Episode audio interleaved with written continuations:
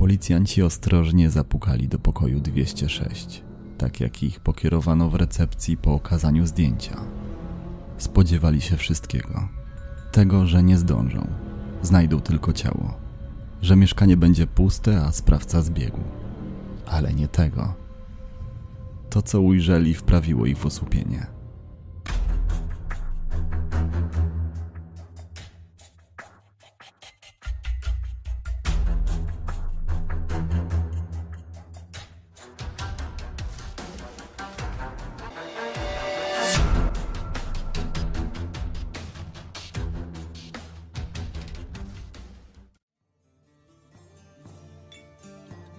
Zanim zaczniemy, chciałbym powiedzieć jeszcze kilka słów o partnerze odcinka. Pilsner Urquell to czeski browar, który nieprzerwanie od 1842 roku kontynuuje tradycję ważenia pierwszego, oryginalnego Pilsnera. Świeży, niepasteryzowany, delikatny w smaku Pilsner serwowany jest w lokalach typu tankowna, które znajdziesz w największych polskich miastach. To właśnie w nich specjalnie przeszkoleni tapsterzy – a więc najwyższej klasy barmani, nalewają piwo na trzy prawdziwe czeskie sposoby tak, by zawsze smakowało najlepiej jak to tylko możliwe. A tapsterzy znają się na rzeczy i zgodnie twierdzą, że nic nie pobije oryginału.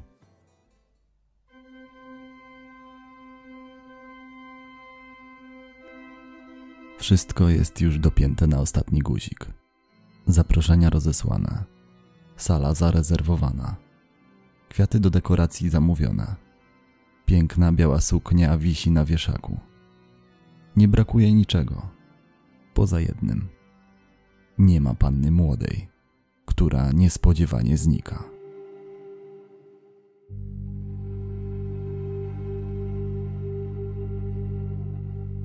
Tiffany urodziła się 29 czerwca 1971 roku. Była niebiesko-oką filigranową blondynką o wzroście około 157 cm. Była otwarta, radosna i pogodna. Miała 39 lat, kiedy wreszcie postanowiła poślubić swojego wieloletniego partnera Chada. Mieszkali razem we Fletcher w Oklahomie już od dawna, ale dopiero teraz zaczęli myśleć o założeniu rodziny. Dokładnie w walentynki, 14 lutego 2010 roku, Chad, by pokazać Tiffany, że bardzo ją kocha i myśli o niej poważnie. Wręczył jej złoty naszyjnik w kształcie serca. A gdy ta z radością na twarzy go przyjęła, postanowił posunąć się o krok dalej. Kilka tygodni później, już całkiem pewien, że nie zostanie odtrącony, podarował jej zaręczynowy pierścionek, warty 2,5 tysiąca dolarów. Był cały w skowronkach, gdy powiedziała tak. Było im ze sobą dobrze. Dogadywali się i mało kłócili. Znajomi zazdrościli im zgodności i szczerze gratulowali ślubu. Nikt nie podejrzewał, by w ich idealnym związku mogło kiedykolwiek zadziać się coś złego. Przez ostatnie miesiące Tiffany i Chada pochłaniały przygotowania do ceremonii, która miała odbyć się już za kilka miesięcy. Wszystkie wolne chwile spędzali na projektowaniu zaproszeń i wymyślaniu dań w menu. Zamówili salę i dekoracje, a Tiffany przez wiele tygodni uparcie poszukiwała idealnej dla siebie sukni. By się na chwilę od tego wszystkiego oderwać i porządnie zrelaksować, zakochani wyjechali na ekskluzywne wakacje do Meksyku. Przez cały ten czas sprawiali wrażenie przeszczęśliwych. 19 lipca 2010 roku. Fletcher, Oklahoma. Kilka miesięcy do ślubu. Ten dzień nie różnił się wcale od innych. Tiffany około dziewiątej, tak jak codziennie szykowała się do wyjścia. Powiedziała przyszłemu mężowi, że musi załatwić na mieście kilka ważnych spraw, że wróci niedługo, najwyżej za kilka godzin. Pocałowała czada na pożegnanie i z radością zamknęła za sobą drzwi. Wsiadła do białego Chevroleta z 2006 roku, należącego do narzeczonego, i odjechała. Około południa napisała do niego wiadomość z zapytaniem, czy jest głodny i czy jest coś, na co ma ochotę. Wywnioskował, że lada chwila wróci i przywiezie jedzenie. Ale już dawno wybiła godzina lunchu. Tak naprawdę powinni już jeść kolację, a Tiffany wciąż nie było. Chad zaczął się wtedy naprawdę niepokoić. Nerwowo chodził po mieszkaniu. Wyglądał za okno. Bezskutecznie próbował się z nią skontaktować. Obdzwonił całą rodzinę i wszystkie koleżanki, ale nikt nie miał pojęcia, gdzie poszła. Czad mimo przerażenia postanowił jeszcze poczekać. Może Tiffany zatraciła się w zakupach, albo spotkała osobę, której dawno nie widziała i straciła poczucie czasu. Ale mijały kolejne godziny. Zrobiło się już nawet ciemno, a ona wciąż nie dawała znaku życia. Nie odbierała telefonów, nie reagowała na SMSy. Czad tej nocy nie zmrużył oka. Obawiał się, że Tiffany mogła ulec wypadkowi, że jakiś wariat mógł zrobić jej krzywdę, porwać i gdzieś przetrzymywać. Odchodził od zmysłów, tworząc w głowie raz po raz coraz to nowe, czarne scenariusze. Wczesnym rankiem powiadomił o zdarzeniu policję. Czas mijał, a po zaginionej nie było żadnego śladu. Czad pogrążał się w smutku. Planował ślub, nie pogrzeb. 22 lipca. Dokładnie po 96 godzinach od zniknięcia, wreszcie pojawił się pierwszy trop. Czad otrzymał od Tiffany zaskakującą wiadomość, ale ta zamiast ucieszyć, dosłownie wbiła go w ziemię. Pomocy. Potrzebuję pomocy. Jestem gdzieś w Lauton. Jakiś biały mężczyzna zamknął mnie w ciemnym pokoju. Nie wiem, czy jeszcze będę mogła użyć tego telefonu. Napisała Tiffany. Chad dosłownie nie mógł uwierzyć w to, co się stało. Tiffany została co prawda porwana i więziona, ale wciąż żyła. Wciąż można było ją uratować. Nie dowierzał, że była też tak odważna, że wymknęła się spod kontroli więziciela i podała wskazówki, gdzie jej szukać. Znajdowała się całkiem niedaleko. Lawton leżało tylko 32 km od Fletcher. Czat od razu skontaktował się z policją. Pokazał im SMS. Myślał, że funkcjonariusze natychmiast rzucą wszystko i wyruszą szukać jego przyszłej małżonki. Znajdą porywacza i ten ciemny pokój, w którym ją trzyma. Stało się jednak inaczej. Ku wielkiemu zdziwieniu i zaskoczeniu Czada, a także całej jego rodziny, policjanci nie uwierzyli w opowiedzianą przez niego historię. Co więcej, byli pewni, że to właśnie Czad stał za zniknięciem Tiffany, a rzekome uprowadzenie, o którym mówił, tak naprawdę nigdy nie miało miejsca. Uznali, że wymyślił bajeczkę o porwaniu, bo przecież już wcześniej, gdy był na komisariacie pierwszy raz, mówił o tym, że boi się, że ktoś ją porwał. Byli pewni, że zrobił to po to, by odciągnąć od siebie podejrzenia, że z jakiegoś nieznanego im powodu pozbył się niedoszłej panny młodej. Ukrył ciało, a następnie sam napisał do siebie wiadomość z prośbą o pomoc, by zyskać na czasie. Bo zgodnie ze statystykami policyjnymi, to właśnie najbliżsi zwykle odpowiadają za takie tragedie. Na nic się Czadowi zdały próby przekonania, że nie miał ze zniknięciem ukochanej nic wspólnego. Na nic były błagania, by zamiast oskarżać niewinnego zajęli się szukaniem narzeczonej. Policjanci byli nieugięci, stuprocentowo przekonani o jego winie. Mężczyzna został zaaresztowany, wielokrotnie przesłuchiwany i ostatecznie oskarżony o najgorsze. Sytuacja zmieniła się dopiero po kilku dniach. Czad miał już tylko jedną szansę na udowodnienie swojej niewinności. Test wariografem. Był bardzo zestresowany, gdy na niego czekał. Wiedział, że nie zrobił nic złego, ale i tak obawiał się niekorzystnego wyniku. Nie dość, że stracił kochaną, to jeszcze mógł trafić do więzienia na długie lata. Być może całe życie. Czy można wyobrazić sobie coś gorszego? Na swoje szczęście czat jednak pomyślnie zdał badanie, a śledczy wreszcie uwierzyli w uprowadzenie. Poszukiwania rozpoczęły się wtedy na ogromną skalę. Pogrążeni w żalu rodzina i przyjaciele przez kolejne dni zrezygnowali z pracy i z innych obowiązków na rzecz rozwieszania plakatów, rozdawania ulotek i odwiedzania lokalnych mediów, w których ze łzami w oczach apelowali o bezpieczny powrót kobiety do domu. Niestrudzenie prowadzili też poszukiwania na własną rękę. Zatrudnili detektywów, sprawdzali okoliczne pola i rowy, a także miejsca, w których kobieta mogła się ukryć, gdyby udało jej się jakimś cudem uciec. Po Tiffany nie było jednak śladu, mimo że poszukiwania trwały już prawie miesiąc. Policjanci w tym czasie postanowili bliżej przyjrzeć się życiu zaginionej kobiety. Okazało się to strzałem w dziesiątkę. Rozmowa z jej szefem przyniosła sprawie zaskakujący obrót, na który wszyscy czekali.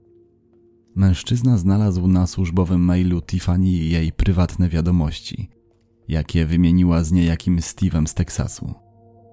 Poznała go na portalu randkowym. Pisali ze sobą od jakiegoś czasu i nawet zamierzali się spotkać. Dokładnie tego samego dnia, w którym Tiffany zaginęła. Czy kobieta została uprowadzona przez niedoszłego kochanka? Policjanci z Fletcher kolejne dni poświęcili na namierzenie telefonu tajemniczego Steve'a. 13 sierpnia 2010 roku, niecały miesiąc po zaginięciu. GPS doprowadził śledczych do taniego, obskurnego motelu Corpus Christi w Teksasie, w którym noc kosztowała nie więcej niż 30 dolarów. W pokojach istotnie było ciemno, tak jak to opisywała Tiffany. Brakowało w nich okien, a nawet jeżeli już były, od lat nie widziały wody i mydła. Czystość w tym miejscu w ogóle pozostawiała wiele do życzenia. Policjanci ostrożnie zapukali do pokoju 206, tak jak ich pokierowano w recepcji po okazaniu zdjęcia. Spodziewali się wszystkiego. Tego, że nie zdążą, znajdą tylko ciało, że mieszkanie będzie puste, a sprawca zbiegł. Ale nie tego. To, co ujrzeli, wprawiło ich w osłupienie. Drzwi otworzyła im Tiffany. Była cała i zdrowa. Nic jej nie było nie licząc delikatnych, słonecznych poparzeń na twarzy. Jak gdyby nigdy nic spędzała czas ze Steve'em, mężczyzną, którego podejrzewali o porwanie, z którym, jak się później okazało, wiodła normalne życie. Chodziła z nim na zakupy, wychodziła do knajpek na jedzenie. Nikt jej w tym motelu nigdy nie więził. Przebywała tam dobrowolnie. Tylko dlaczego okłamała wszystkich dookoła? Czy miała dość byłego partnera? Tiffany, wbrew temu co sądzili o niej inni, wcale nie była zadowolona ze swojego ułożonego życia, zagranicznych wakacji i ładnego domu, a przede wszystkim nie była gotowa na małżeństwo. Nie wiedziała, czy tak naprawdę kocha narzeczonego, czy to właśnie z nim chce spędzić resztę życia. Już od jakiegoś czasu czuła, że się w tym związku dusi, że potrzebuje przestrzeni, wytchnienia. Bała się powiedzieć o tym czadowi, bo był świetnym facetem, nie chciała go zranić. Przestraszyła się swoich uczuć, ale zamiast zdobyć się na odwagę, porozmawiać o wątpliwościach i ewentualnie odwołać ślub, postanowiła na kilka miesięcy przed nim uciec. Los chciał, że w tym czasie spotkała w internecie Steve'a. Zakochała się i to z nim postanowiła zacząć wszystko od nowa. Ucieczkę od czada planowała przez kilka dni. Feralnego dnia ukradła narzeczonemu samochód, Sprzedała w Lombardzie naszyjnik, który podarował jej na walentynki, by pozbyć się wszystkich związanych z nim wspomnień. Dostała za niego jakieś 60 dolarów, które przeznaczyła na zatankowanie auta. Kwota była jednak niewystarczająca, dlatego Tiffany zdecydowała się sprzedać również pierścionek zaręczynowy, warty 2,5 tysiąca dolarów. Przejechała ponad tysiąc kilometrów, trzęsąc się jak galareta, ze strachu i podekscytowania. Jechała przecież do kogoś, kogo nawet nie znała, o którym wiedziała tyle, że interesuje się średniowieczem. Gdy dojechała na miejsce, zaszyła się w paskudnym motelu i jak gdyby nigdy nic rozpoczęła nowy etap ze Steve'em, mężczyzną, który nie miał pojęcia o jej dawnym życiu. Ani tym bardziej o tym, że upozorowała swoje porwanie i szukał jej cały stan. Tiffany była zaskoczona wizytą policjantów, Trochę się przestraszyła na ich widok, ale w głębi ducha była wdzięczna, że to koniec, że już dłużej nie musi się ukrywać. Wiedziała, że jej paskudne kłamstwo wyszło na jaw i będzie musiała stawić czoło konsekwencjom, że będzie musiała prosić o wybaczenie, przyznać się, że wodziła za nos nie tylko czada, ale i wszystkich swoich bliskich, którzy z zapałem prowadzili poszukiwania, wypłakiwali oczy prosząc o pomoc, oddawali każdy grosz na to, by ją odnaleźć. 39-latka została aresztowana i oskarżona o fałszywe zgłoszenie przestępstwa.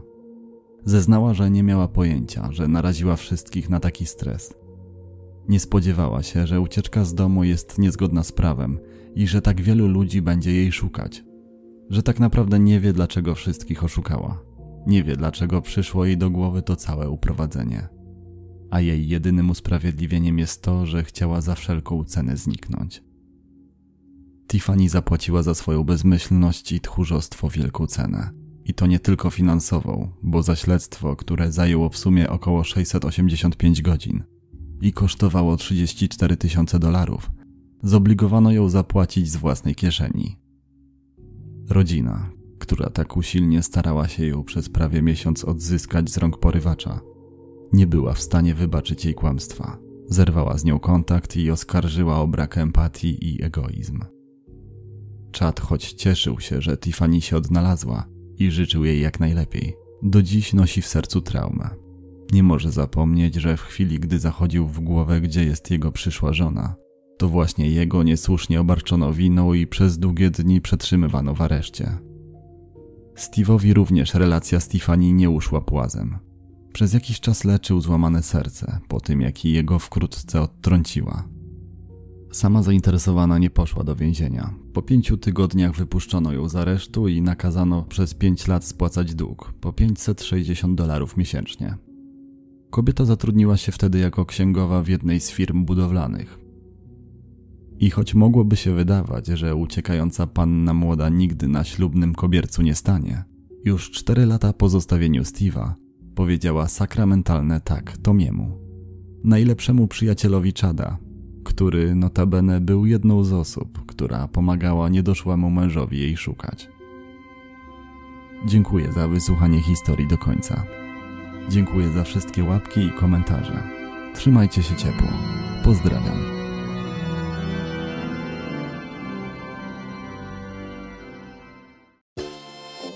To those who visit Mickey D's for their favorite breakfast item and then go somewhere else for coffee, give this Mickey D's brew a second chance. The glow up was real. Try any size iced coffee brewed with 100% Arabica beans for just 99 cents until 11 a.m. And pair it with a savory sausage McMuffin with egg for $2.79. Prices and participation may vary, cannot be combined with any other offer. Ba da ba ba ba.